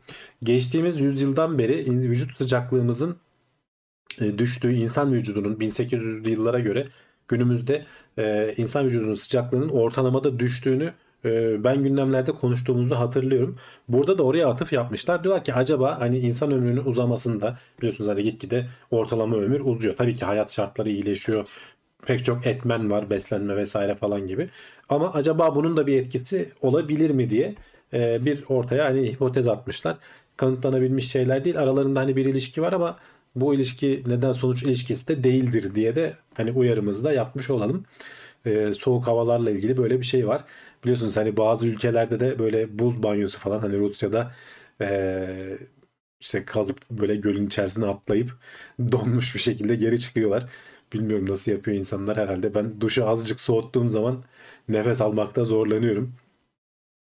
Ama e, faydalı olduğunu da söylüyorlar açıkçası. Gerçi e, kalp sorunu varsa riskli yani kalbe çok bir anda yük, yük bindirmiş oluyorsun. Kalp krizi geçirme, tetiklenme ihtimali var. Çok tavsiye etmiyorum o anlamda ama sonuçta e, soğuk duşun da insanı kendine getirdiği ve hani vücut yağlarını yaktığı vesaire falan yönünde de şeyler var. Bulgular var. Köfteleri de dolaba koyuyoruz bozulmuyor demiş yaşlanmayan hain köfteler. evet yani orada soğuk ortamda tabii ki bakterilerin işleyişini yavaşlattığın için oluyor o işler ama burada insan ömrünü uzatmaktan bahsediyoruz.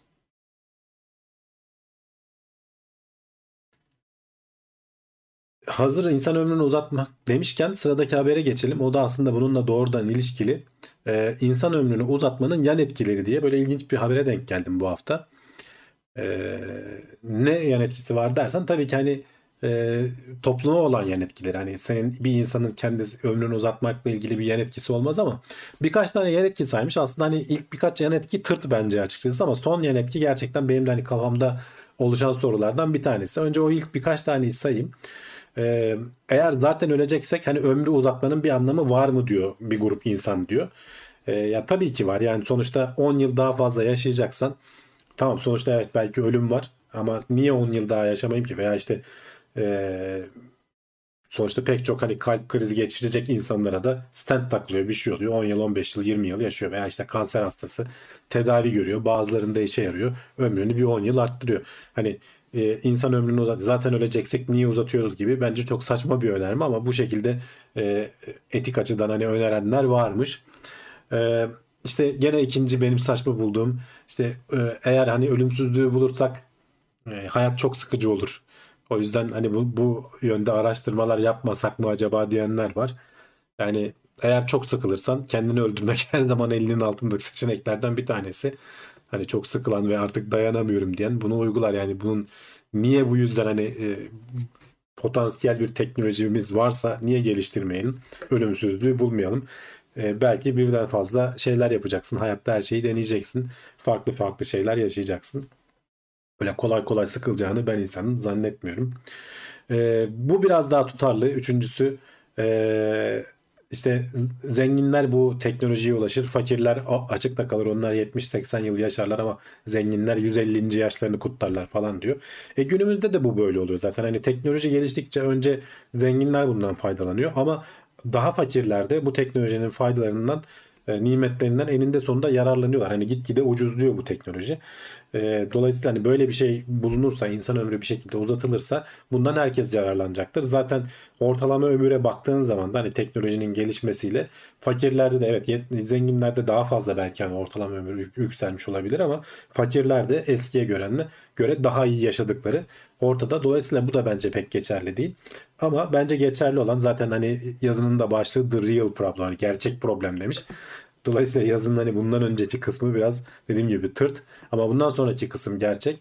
Eğer e, ömrü uzatırsak çok az bile uzatsak dünyadaki kaynakları tüketme ölmediği için insanlar sonuçta bir sirkülasyon olmayacağı için kaynakları düzgün kullanmak ister. Zaten insanlıkta e, çocuk yapmayı bırakıyor eğitim seviyeleri vesaire arttıkça bir yaşlanma ciddi bir sorunumuz. Dolayısıyla e, sosyal olarak sirkülasyon sağlanamayacak. Arka taraftan gelen yeni bir nesil olmayacak ve insanlık e, donup kalacak diyorlar. Mental olarak donup kalacak. Sonuçta işi yenileyecek, yeni düşüne, yeni şeyler düşünecek genç nesil olmayacak. Asıl problem bu. Devinimi sağlamak mümkün olmayacak. Zaten mesela düşünürseniz yaşlılar işte e, ölüp gitmediği sürece yerine yenileri gelmiyor. Yani e, bu şirketlerde de böyle ee, ülkelerde de böyle hani bir lider ölmeden biz ki bizim ülkemizde zaten ekstra böyle 80-90 yaşına kadar geliyor adamlar hala partilerinin başında durmaya çalışıyorlar falan. Alttan gelen kuşaklar onları ittiremiyorlar. Ee, bu sirkülasyon olmayacak. Düşünsenize yani yüz bir de insanın psikolojisi, insanın e, algıları yaklaşık e, genç gençlik yıllarında e, bir konuyla ilgili fikirleri oturur ve ondan sonra da kolay kolay değişmez. Bakış açısı kolay kolay değişmez e, bilim insanı da olsa her ne kadar şeylere de e, tarafsız olaylara da bakmaya çalışsa yeni bakış açısı getiremez. O yüzden genç nesil önemlidir. Dolayısıyla genç nesil gelmediği sürece alttan ve işte dinozorlar yerinde kalmaya devam ettiği sürece e, sirkülasyon olmayacak ve insanlık donup kalacak. Bunun da pek çok yan etkileri olacak. Yani bir sorunla e, karşılaştığı zaman çözmek sıkıntı olacak. Yeni fikirler gelmeyecek. Hani burada verdiği örnek de şey mesela işte kadınlara ek vermek veya işte eşcinsel haklarının tanımlanması, ek haklar verilmesi vesaire. Bunlar 100 yıl önce düşünülmeyen şeyler. O devirlerde e, yaşayıp 1900'lerin başında yaşayıp oradaki düşünce mantığıyla oturanlar günümüzde de bu e, yeni hakların, değişen ahlaki ölçütlerin e, ölçütlere karşı direneceklerdir. Daha muhafazakar olacaklardır. Dolayısıyla bu gerçekten büyük bir sorun. Bence de en büyük sorunlardan bir tanesi bu. Eğer bir şekilde insanlık olarak ölümsüzlüğü bulursak veya işte ortalama ömrü çok uzatırsak bir şekilde en büyük sıkıntı bu olacak. Yani e, bilincimiz kolay kolay değişmeyecek. Bir yerden resetlenmesi gerekiyor. Ölüm de bunun hani e, doğanın bulduğu en iyi yöntem. Nesil değişecek, yeniler gelecek ki e, bir değişim olsun, bir hareket olsun. Hem evrimsel açıdan bu böyle hem de sosyolojik açıdan bu böyle. E, dolayısıyla hani insanların e, ömürlerini uzatmanın en önemli yan etkisi sosyal devinimin engellenmesi olabilir. Nüfusun yaşlanması hani ben arada konuşuyorum. Nüfusun yaşlanması çok tehlikeli derken düşündüğüm şeylerden hani risklerden biri de buydu.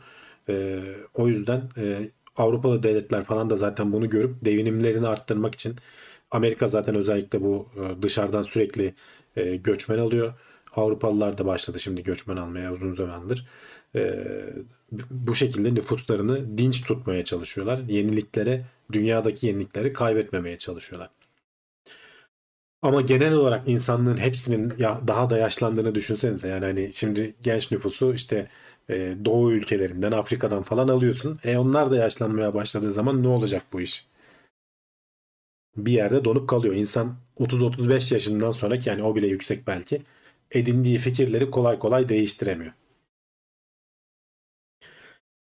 Evet. Haberleri böylece tamamlamış olduk. Sizden de şöyle gelen yorumlara kısaca bir bakayım. Hatta hemen isterseniz kulis bölümüne geçelim. Orada da devamını konuşuruz. Yeni soruları da cevaplarız. Ee, hemen sponsor videolarını veriyorum. Geliyorum. Evet. Çin 2035'te nüfusunun üçte biri 60 yaşından yüksek oluyormuş mesela demiş Fox Kral. Evet. Yani bu diğer ülkeler için de geçerli. Ee, Çin hani nüfusu çok fazla ama çok yaşlandıktan sonra çok ciddi problemlerle karşılaşacak. Serkan Cebeci yaş ortalaması ilk çağlarda 30'u bile değildi deniyor. Yani evet şey olmadığı zaman hani bir diş çürüğünün insanı öldürebildiği zamanları düşün. Ee, öyle zamanlarda 30'lu yaşlara gelmek önemliydi. Ama onu çok geçenler de var. Hani bu ortalaması 30. Çocuk yaşta ölüm çok yüksek. Onları da hesaba kattıkları için aslında biraz böyle oluyor. Çocuk yaşta ölümleri ilk 10 yılı çıkarırsan ondan sonra hani 30'lar değil de 50'lere kadar falan çıkıyor o şey. İnsan bir kere o aşamayı kurtardıktan sonra çünkü o ilk çocukluk aşaması gerçekten riskli. Ee, o aşamayı atlat, onu, onu eklersen oranlar gerçekten düşüyor. Yaş ortalaması gerçekten düşüyor. Ama onu çıkarırsan biraz daha yükseliyor. 200 yıl falan yaşasa insanlar görülmüş, yaşayan insanlar görülmüş deniyor bilemeyiz. Yani 200 yıl yaşayan insanlar tabii çok söylen, söylenti hani vücudumuz o kadar etkisi var mı yok mu e, potansiyeli var mı onu bilemiyoruz ama sonuçta tıbbın gelişmesiyle işte bu RNA'ydı bilmem neydi mRNA'ydı işte kanser ilaçlarıydı bilmem neydi derken baya baya bunu ileriye çekebiliriz gibi görünüyor. Ee, ölümsüzlük hani bizim bildiğimiz anlamda vücud, bu vücudumuzda bulunabilir mi? Herkes şu anda bunun hani bu e, gençlik e, iksiri denilen şeyin peşinden tarih boyunca koşulmuş. Bilim insanları da hala bunu araştırmaya devam ediyorlar. Acaba geri çevirebilir miyiz bu anti-aging, bu yaşlanma süreçlerini geriden, geri döndürebilir miyiz de çok ciddi araştırmalar var. E, hatta şeydi Google'ın e, fütüristlerinden biri e, adamın adını unuttum şimdi. Baş e, fütüristlerinden bir tanesi şey diyordu. 2026'dan sonra ortalama ömre her yıl bir tane eklenecek, bir yıl eklenecek gibisinden bir öngörüsü vardı adamın. Dolayısıyla hani dolay, şey olarak e, ölümsüzlüğü neredeyse bulmuş oluyorsun aslında temelde. E, ama tabii hani fütüristler biliyorsun biraz da fazla atıp tutabiliyorlar. 2030 olmasın 2050 olsun. Ben hani 25 yıl daha ekleyeyim ona. Günün birinde olacaksa. Ama gerçekten o zaman farklı farklı hayatlar yaşamış ol- olmamız lazım. Yani bir yerden sonra değişmemiz lazım. Belki insanlık ona da adapte olacak. Hani şimdi burada konuştuğumuz şey insanın tıkanıp kalması, işte kitlenip kalması ama belki o zaman onu öğrenmek zorunda kalacağız. Hani atıyorum 150 yaşına gelmişsin. Hala mı tekno seyir diyebilir insan yani bir yerden sonra. Değiştir kardeşim ben aşçı olmak istiyorum deyip e, komple değiştirmen gerekebilir ki günümüzde bile çağ hızlandığı için insanlar birkaç e, kariyer değiştirebiliyorlar. Hani eskiden e, bankacı olarak başlayıp bankacı olarak gidiyorsun. Ama şimdi mesela bankacı başlıyorsun, girişimci oluyorsun. Oradan ayrılıyorsun işte atıyorum biraz birikmiş paranı da alıp insanlar bambaşka sektörlere gidip veya işte emekli olup hayatlarının keyfini de çıkarabiliyorlar. E, bu işler e, çağın da biraz hızlanmasıyla hani ömrümüz uzamıyor ama çağ hızlanarak biraz aslında simülasyonunu yapıyormuş gibi oluyoruz. Man from Earth filmi aklıma geldi demiş Uygarlık Yolu. Evet güzel filmdir. İzlemeyen varsa tavsiye ederim.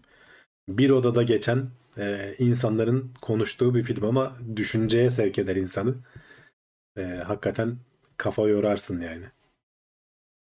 Man from Earth. Türkçesi falan da vardır herhalde. Onu çevirmişlerdir. Emeklilik yaşını 120'ye yükseltirler. Yani evet o zamanlar işte bunların hepsinin yeniden düzenlenmesi gerekir. Bütün bu sosyal sistemin, sosyal düzenin yaşlanma hani hep ben diyorum ya bu sosyal ekonomik düzeni bozacak diye. Ee, o zaman evet yani 120 emeklilik yaşı 120 olur.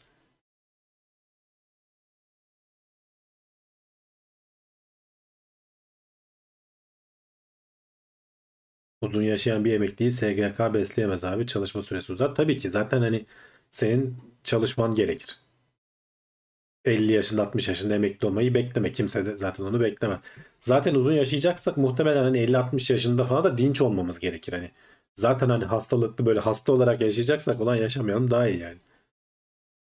Sağlıklı yaşana, yaşam ömrü diye bir şey var ya onu uzatmaları lazım aslında.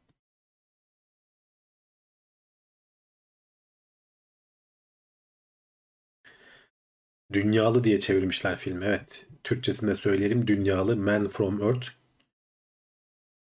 Merak edenler şey yapsın, izlesinler.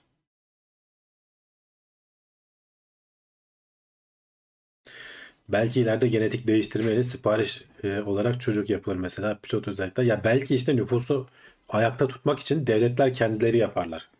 Hani insan kaynağı gerekir. İnsanlar kendileri istemez çocuk bakmak çünkü hani onun maliyeti vesairesi falan yüksek. İşte yatırımı çok yüksek.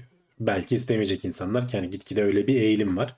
Yapan gene yapar ama yapmak istemeyen boşlukları doldurmak için nüfusu belli bir seviyede tutmak için devletler belki kendileri çocuk e, üretip e, eğitip onu piyasaya salabilirler. Belli bir seviyede nüfusu tutmak için o dinamizmi sağlamak için. O zamana kadar yapay zeka ve otomasyon sayesinde belki çok çalışmamız gerekmez. Evet yani çok çalışmamız gerekmez. Hayatta kalmak için belki çalışmak zorunda kalmazsın. Ama çalışmadan da hayat geçmez. Yani çok uzun 150 yılına yaşadığına kadar düşünsene ve hani sürekli lay lay lomla zaman geçmez yani.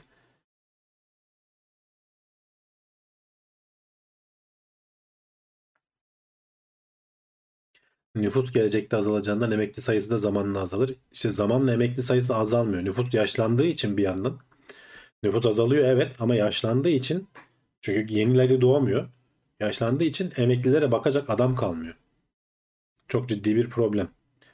Ee, geçen yani benim aklımda en son okuduğumda işte insanlığın nüfusu 10 milyara kadar ulaşacak sonra oradan düşmeye başlayacak diyorlardı. Bu hafta içerisinde bir haber gördüm. Birleşmiş Milletler galiba onu güncellemiş. 9 küsür milyara kadar ulaşıp 9 milyar seviyesinden aşağı dönecek diyorlar. E, 2100'lerde mi ne? Yani e, 1 milyar geriye almışlar onu. Yani beklenenden daha hızlı yaşlanıyor ve beklenenden daha hızlı insanlar çocuk yapmamaya başlıyor. Bunu da bayağı araştıran bir TED konuşması vardı. Gene bir gündemde linkini verdiğimi ben hatırlıyorum.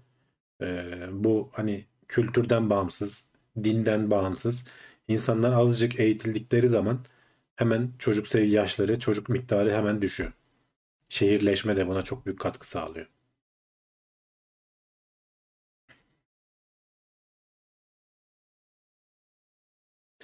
Yapay rahim çalışmaları var demiş Fox Kral. Evet e, şeylerde e, ne denir? Koyunlarda değil mi? O koyunlar yapay rahimlerin içerisinde büyüyorlardı. Çok acayip bir görüntüydü o.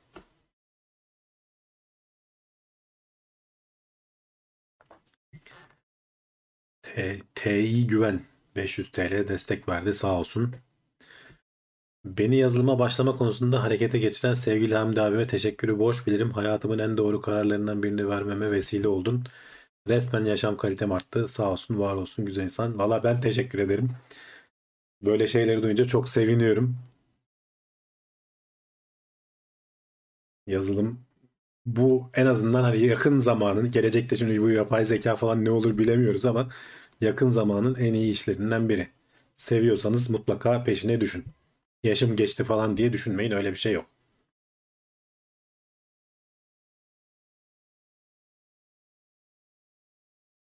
Epic'te Mor Dağ oyunu bedava demiş. Normalde 280 TL oyun olan oyun bedava.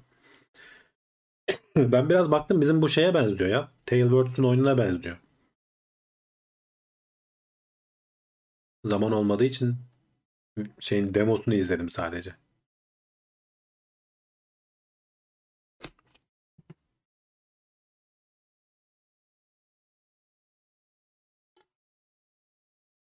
Bir kişi konuşunca da insanın boğazı daha çok ağrıyor.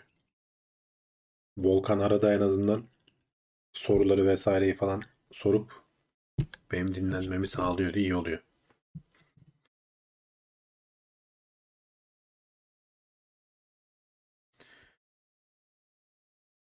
İnsanlar şu an sevdiği işi yapamıyor geçim sıkıntısı yüzünden. Çalışmaya gerek kalmayınca insanlar sevdiği işleri yapar. Ya evet sevdiği işleri yapar. O biraz hobi gibi olur o zaman. Hani eğer orada para kazanma derdin olmazsa zaten iş olmaz o hobi olur. Severek yaparsan ve biraz da gelir kazanabilirsen ne güzel. Volkan bu hafta sattı bir çiğ köfte borcu olsun. Evet bir çiğ köfte videosu bekleriz Volkan'dan.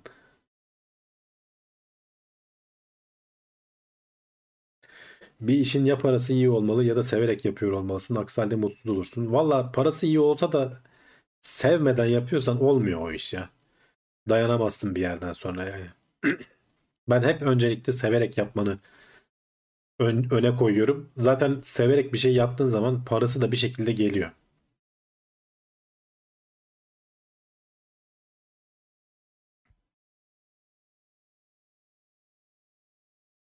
Adresi veriyorum eve çiğ köfte gelecekse. Ya bu bu kadar insana çiğ köfte gönderemez. Biz sanal köfte gönderebiliriz anne.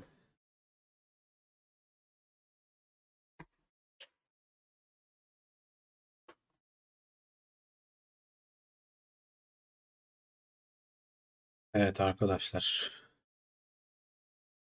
Volkan iyi bir sıkıntısı yok. Volkan iyidir umarım demişler. Bir sıkıntı yok. Bir işi vardı. O yüzden bu hafta katılamadı. Metaverse'den gönderin. Metaverse'de yalan oldu arkadaşlar. Hiç ortalıkta yok. Gündemde yok.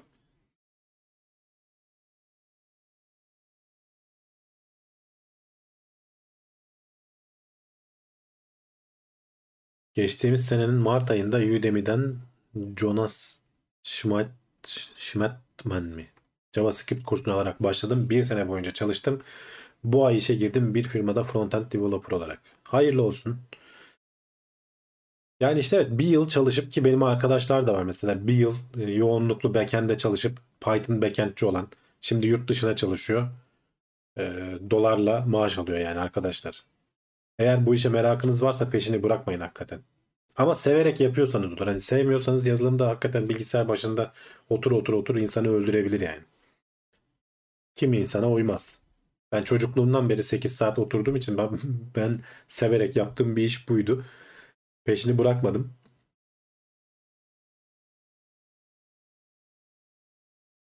Bak Ersoy Boğaz demiş ki severek yapsan belli bir süre sonra bil- severek yapsan bile belli bir süre sonra her iş bayıyor. Her 5 senede bir başka iş yapmak lazım. 5 belki az ya. 10 olabilir de.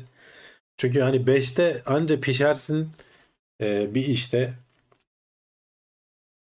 tecrübe edinebilsin. İşine göre değişir tabii ama 10 yılda bir belki katılırım bu fikre. Hani 10 yılda bir değiştir diyebilirim ama 5 biraz az geldi bana. Kolay değil tabii şimdi oturmuş düzeni falan olunca onu değiştirmek de kolay değil. Böyle söylemesi kolay da. Ee, 10 yılda hani biz diyoruz ama kolay mı şimdi bir bankada düşünsene 10 yıl yapmışsın. E, kariyer basamaklarını fırla, yük, yük- yükseltmişsin yavaş yavaş. E, bir sonraki işte biraz daha kalsan belki müdür olacaksın bir şey olacaksın. Hani o böyle seni orada tutan iç gıcıklayıcı fırsatlar var. Onu bırakıp gitmek kolay değil. Kendi girişimini yapmak falan hakikaten hiç kolay değil. Ama hani gözüne kafana koyduysan 10 yıl sonra o arada para da biriktirirsen hem ya istersen kendi işini kurarsın veya gidersin tarımla uğraşırsın. Ee, neden olmasın?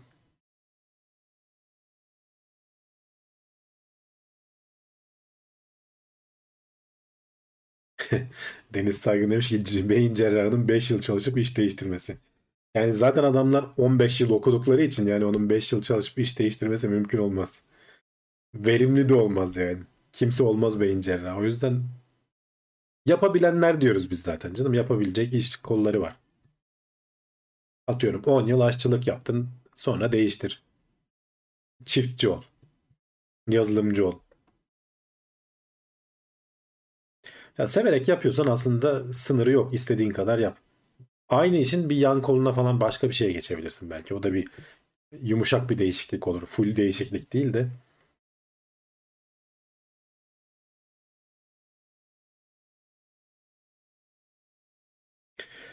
Girişimci olmak lazım. İşi büyütüp satacaksın ve başka işe geçeceksin. İbrahim Şen böyle demiş. Ya evet yani işi büyütüp satıp işte bu exit etmek, şeyi girişimleri satmak falan çok böyle konuşulan şeyler ama onun da çok ciddi psikolojik zorlukları var. E, girişimci olmak her baba yiğidin harcı değil arkadaşlar. Yani her şeyi sizin yapmanız gerekiyor. Her ayrıntıyı sizin düşünmeniz gerekiyor. Her şeye sizin karar vermeniz gerekiyor. Ki o karar vermek zaten başlı başına bir psikolojik yük insan üzerinde. Yani çok basit bir şey söyleyeyim. Yani teklif verirken bile fiyatı indirecek misin, indirmeyecek misin? Yani o kararı vermek bile o kadar zor ki indirsen, e, indirmesen müşteri belki kaçacak. İndirsen belki hak ettiğini alamayacaksın. Hatta belki zarar edeceksin. Yani onun kararını vermek bile oldukça zor. Bir yerden kesmen gerekiyor falan. E, o e, girişimcilikte bunların bin katı üzerine geliyor öyle düşün. Hiç kolay bir iş değil. O işi severek, hevesle yapmak lazım. Bin tane de Türkiye gibi bir ortamda da hele kimse önünü açmaya çalışmayacak. Sana herkes devlet köstek olacak. Vergisiydi, bilmem nesiydi falandı, izniydi, lisansıydı falan derken bir sürü şeyle boğacaksın. Elemanı da, elemanıydı. Girişimci olunca onu da anlayacak. Çalışan arkadaşlar şimdi anlamaz. Hep kendi açılarından bakıyorlar. Girişimci oldukları zaman elemanla boğuşmanın ne olduğunu da anlıyorsun. İşin iki tarafı var çünkü.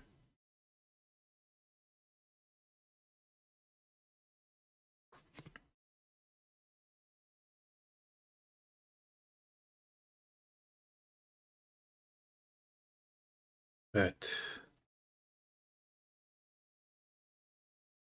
Şu developer, backend, ne back junior bunlar kim? Kaç kişiler ne yapar? Kim hangi ülkeye göre falan filan kafamı karıştırıyor. Kim kimdir?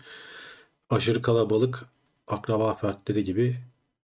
Yani neyi soruyorsun Serkan? Tam ayrıntılı sorarsan cevaplamaya çalışayım.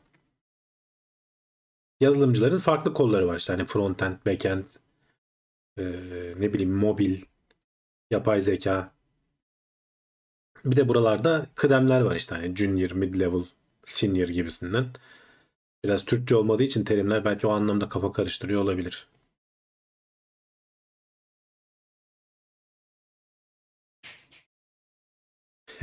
Bizde firma ünvanlarının uzun olması boşuna değil demek ki. Turizm, inşaat, reklam, nakliyat, bakliyat, çabuk sıkılan patronlar demiş. Evet yani bizde hakikaten böyle bir gariplik var. Nedense sanki firmanın isminde şey yazmak zorunda. Hala öyle mi bilmiyorum ama saçma sapan eskiden öyleydi. Şimdi yeni firmalarda var mı bilmiyorum. İlla böyle yaptığın işin bir şey yazacak. Ticaret yazmıyorsa isminde ticaret yapamazsın. Ulan böyle saçmalık şey mi var? Sanayi ve Ticaret Limited şirketi falan. Ama sanayi ticaret yani ne ki bu? Pazarlama, reklam, hizmet falan diye gidiyor. Ondan sonra uzadıkça uzuyor. Böyle firma ismi bu kadar oluyor. Ne firması olduğunun falan ne önemi var ki? Mesela bir de orada kodları vardır bunların ayrıyeten. Şirket kurulurken muhasebeci sana sorar hangi kodda olacak diye. Ulan ben firma kurdum işte vergimi ödüyorum. Şu kodda olsam ne olur? Bu kodda olsam ne olur? Hani e, yazılımcı firması diyeyim deyip de limon niye satamayayım ki? Bir yandan da limon satarım yani. Ve faturasını kesip vergisini verdikten sonra benim aklım almıyor açıkçası o garip şeyler. Biraz bence Türkiye'deki eski kafa şeyden kalma bunlar.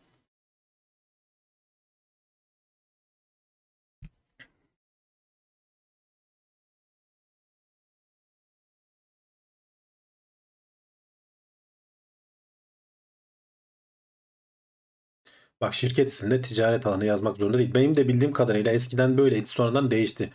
Artık hani alan o şeyi yazmak zorunda değil. Limited şirketi, anonim şirketi falan. Hani şirketin tipini yazmak galiba zorunlu ama isminde galiba şey yazmak zorunda değil. Ticaret, ticaret falan. Ama emin değilim.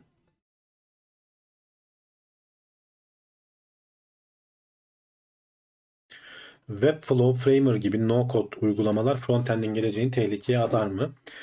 Ya şöyle atabilir. Ee, çünkü hani frontend şu anda herhangi bir web sitesi yapacağın zaman frontend'de bir şeyler yapmak zorundasın.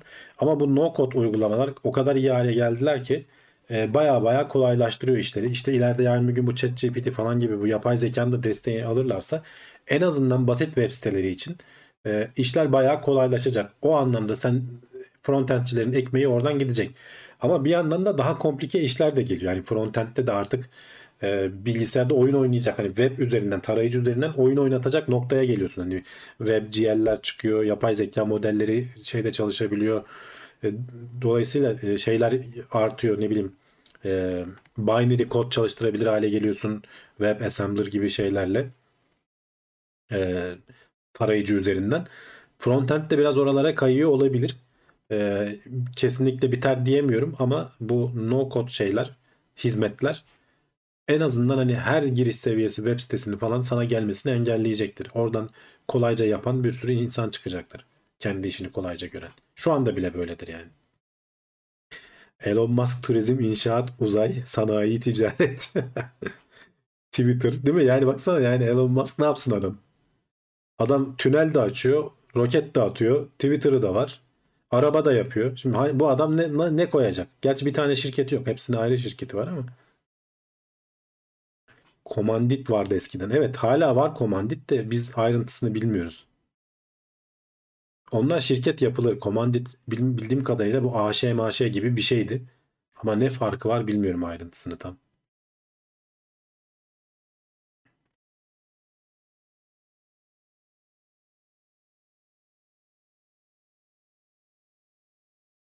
Yapay zekaya komut vererek film yapılabilir mi ileride? Yani şimdiden bile yapılıyor ama hani bilim noktasına gelir mi bilmiyorum açıkçası. Ama baya baya bu işler kolaylaşacak gibi görünüyor. Şöyle yap, böyle yap diyorsun.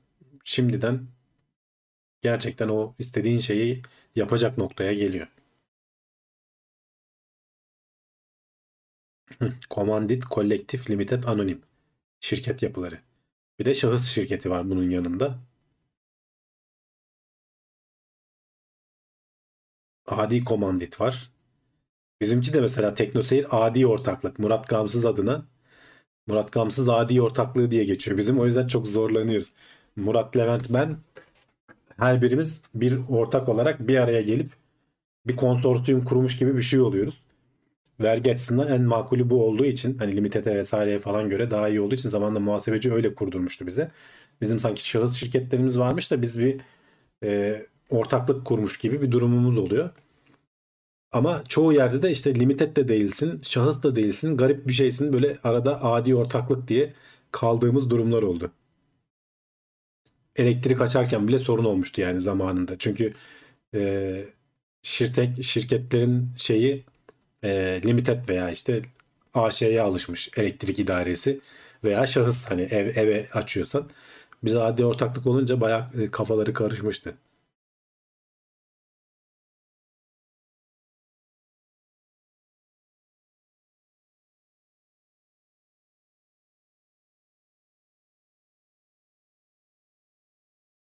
Hepimiz imzaya yetkiliyiz. O yüzden üçümüzün imzası olması gerekiyor. Şey diyorlar mesela e, ne diyorlar? İmza sirküleri diyorlar mesela. Ama şirketin bir imza sirküsü yok bizim. Kendimizin var. Kişisel imza sirkülerimiz var ama şirketin yok mesela. Çünkü şirketin öyle bir yapısı yok. Yani tüzel kişiliği yok. Ama vergi numaramız var falan gibi böyle saçma sapan bir ara durumdayız yani. İşte kolay olduğu için biz onu seçtik. Muhasebeci de onu önerdi. Vergi anlamında da avantajları var. Ama şeyi anlatamıyoruz. Ee, web'deki pek çok şey limitete göre falan yapılmış. Mesela işte e-mühür alırken e, mesela elektronik faturaya ge- geçerken e, mühür alman gerekiyor. Mali mühür alman gerekiyor. Onun mesela kolay bir yöntemi online yöntemi şeyler için şahıslar için var. Limitedler AŞ'ler için falan var. Ama bizim için yoktu mesela. Biz belgeleri elle Ankara'ya kargoladık. Derdimizi anlattık. Oradaki adamlar çözdüler. Geçenlerde yeniledim. Aynı işlemleri tekrar ettik. Hala da hani onu online'a çevirmemişler.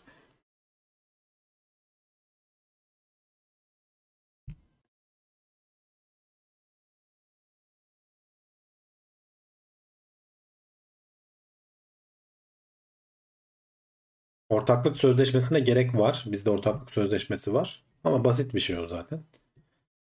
Vergi kaydını da açtırdık evet. Hepimiz ayrı ayrı gelir vergisi veriyoruz mesela. Bizim öyle bir adi ortaklıkta öyle oluyor. Hepimiz eşit bir şekilde ayrı ayrı. Normalde hani şirket kendi başına vergi verir. Onun dediğim gibi bir tüzel kişiliği vardır. Bizde bir tüzel kişilik yok. KDV'yi şirket ödüyor. O da garip bir şey işte. Ama gelir vergisini hepimiz ayrı ayrı ödüyoruz.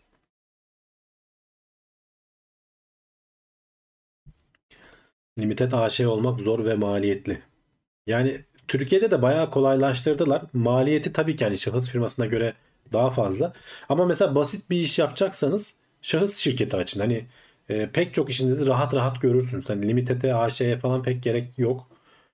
E, onda hani muhasebeciye tabii danışmak lazım. Hani yapacağınız işe göre değişecektir ama mesela benim yurt dışına çalışan arkadaşlarım e, yazılımcı arkadaşlar. Onlar şahıs firması kuruyorlar. Yurt dışına fatura kesiyorlar. Devletin de orada ciddi destekleri var. E, gelir vergileri falan oldukça düşük oluyor. E, hem vergisini ödemiş oluyor. Devletten de bir şey kaçırmamış oluyor.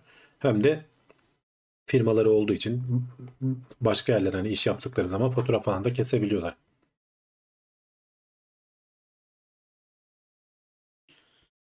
Vay be TeknoSeyir'de e, bilim gündeminden sonra muhasebede konuştuk yani. Anlamsız konulara girdik.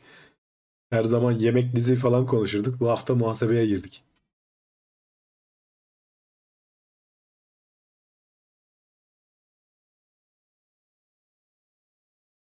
İmzayı üçümüz aynı anda atmamız gerekiyor. Öyle anlaştık biz başta.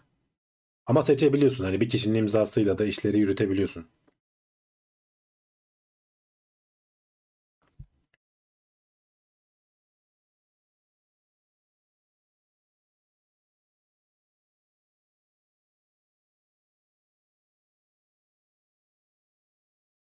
Türkiye'de muhasebe bile anlaşılmamak üzere kurulmuş saçma sapan kargaşa var. Ya evet biraz e, muhasebe vergi sistemimiz falan karışık. Bunu herkes söyler. Basitleştirilmesi lazım diye. Ama kolay bir işlem de değil. Bazen hani bu kadar vergi sistemi bile çözüm olmuyor. Vergi dairelerinden özelce istiyorsun. Ben ne yapayım diye. Onlar senin adına özel şey veriyorlar. Sen şöyle yap diye belge veriyorlar. E-imza kullanmıyoruz. Mali mühür gerekiyor. Bu şeylerin e, e-imza gibi bir şey aslında. Mali mühür firma için olanı. E, bu size e-fatura geliyor ya TeknoSeyir'den işte anahtarlık falan aldığınızda onun e, TeknoSeyir tarafından imzalandığını gösteren bir mali mühür var. Aslında bildiğiniz hani çip gibi bir şey içinde işte bu kriptografik anahtarı olan e-imzanın aynısı ama şirket için olanı. Bizim e-imzamız yok. Ben gerçi hani öteki firmam için gerektiği için şimdi kendime çıkartıyorum bu aralar. Ee, e-imza şeyine başvurduk. Onlar bayağı kolaylaşmış eskiye göre. Kişisel çıkartmak falan çok kolay artık. Kendi firmamız olduğu için Bağkurluyuz tabii. Ben değilim çünkü ben Amani'de çalışıyorum. Ama Murat ve Levent kendi şahıs firmaları olduğu için Bağkurlu. Kendi emekliliklerini kendileri ödüyorlar. Ama ben Amani'de çalıştığım için SGK'lıyım. 4A çalışan olarak firma benim adımı ödüyor.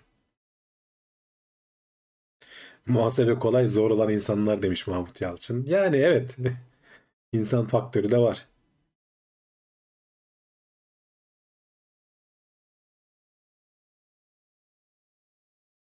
Stopajın mantığını anlamadım hiçbir zaman. Kira vermenin kirasının vergisi. Ya şöyle devlet e, stopajın ne olduğunu söyleyeyim. Pek çok şey de var ama kira özelinde firmalar ev sahibinin vergisini firmalar önden ödüyorlar devlete. Bunun da niye yapmış devlet? Stopaj zaten hani olayı biz olduğu yerde stoplayalım, vergimizi alalım diye. Çünkü ev sahiplerini bulmak, onlardan vergi almak kolay değil. Biz burada hazır e, şeye çökelim diyor devlet. Şirket bulduk. Bak işte ne kadar ya, yanlış bir bakış açısı. Şirkete çöküyor. E, şirket de şeyin ev sahibinin ödeyeceği gelir vergisini e, şirket 3 ayda bir yanlış hatırlamıyorsam 3 ayda bir de e, devlete o ki şey adına e, ev sahibi adına stopaj olarak ödüyor. Buna da stopaj deniyor. O yüzden mesela ev, ev sahipleri aslında şeye verdikleri zaman e, bir firmaya kiraladıkları zaman vergiden kar ediyorlar. Çok saçma bir mantık. Çünkü onun geliri aslında benim değil ama işte şirkete giren bir şey. Sen firmasını ödersin deyip e, devletin geçirdiği bir yük. Bunun gibi bir ton şey var. Mantığın çarpı, çarpıklığı aslında.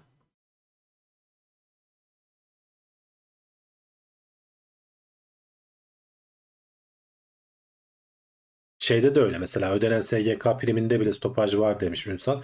Evet yani senin çalıştırdığın elemanların gelir vergisi var. Mesela hani net brüt hikayesi vardır ya. Onun içerisinde brüt senin brüt maaşın var aslında. Normalde ne olması lazım? Ben sana brüt maaşını ödeyeceğim. Sonra sen git devletten devlete kendi gelir vergini öde. Hesapla öde. Amerika'da falan böyle galiba yanlış bilmiyorsam. Her ay orada hatta dizilerde falan görürsünüz bir muhasebeci olur. Senin yıllık şeyini falan hesaplar. Gelirini giderini falan hesaplar. Kişisel olarak orada her vatandaş yıllık y- vergi beyanında bulunur. Bizde öyle değil. Bizde şirketler vergi beyanında bulunuyor. İşte bir de emlan memlan varsa onlar da beyanname veriyorsun.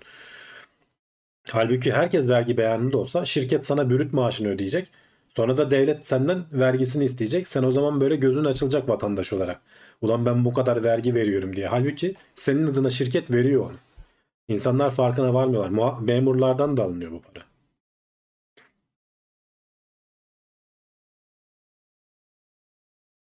Ev sahibi mesela bankadan ödeme istemiyor vergi vereceğiz diye. Yani evet çünkü düşük göstertiyor muhtemelen. Stopajı ona göre düşük ama yasaklandı o. Kirayı bankadan ödemek zorundasın.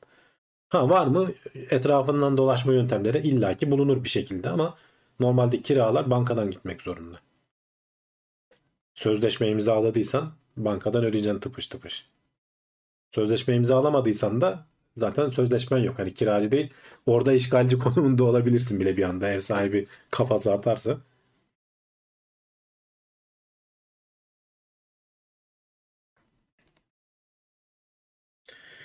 Bak Mahmut Yalçın doğru demiş. Oysa iş yeri maaş hesabı açsa ki işte hani bu YouTube'a yaptıkları gibi hani %15'ini kesiyor ya devlet. Maaş hesabı açacaksın. Sen ödediğin zaman o, o hesaba yatan paradan devlet çat diye kesecek vergisini. Bir sürü iş kalkar. Hakikaten evrak işi, muhasebecilerin işi. Ama bak muhasebeciler aç kalır. ChatGPT falan da geliyor. Muhasebeciler de düşünsün. Evet arkadaşlar, saati de biraz aşmışız bu muhasebe konularına dalınca. Bunları konuş konuş bitmez Türkiye'de zaten. O yüzden fazla da uzatmayalım. Önümüzdeki hafta zaten nasıl olsa gene buradayız. Ee, şimdiden herkesin bayramını kutluyorum bu arada. Ee, arada bir bayram atlatacağız. Ee, hafta sonuna denk geldiği için pek gündeme gelmedi. Ee, ama ben herkesin Ramazan bayramını kutlamış olayım. Pazartesi günü haftaya inşallah Starship'te fırlatılmış olur. Onun da ayrıntılı bir şekilde konuşuruz. Ee, kendinize iyi bakın. Haftaya görüşmek üzere. Hoşçakalın.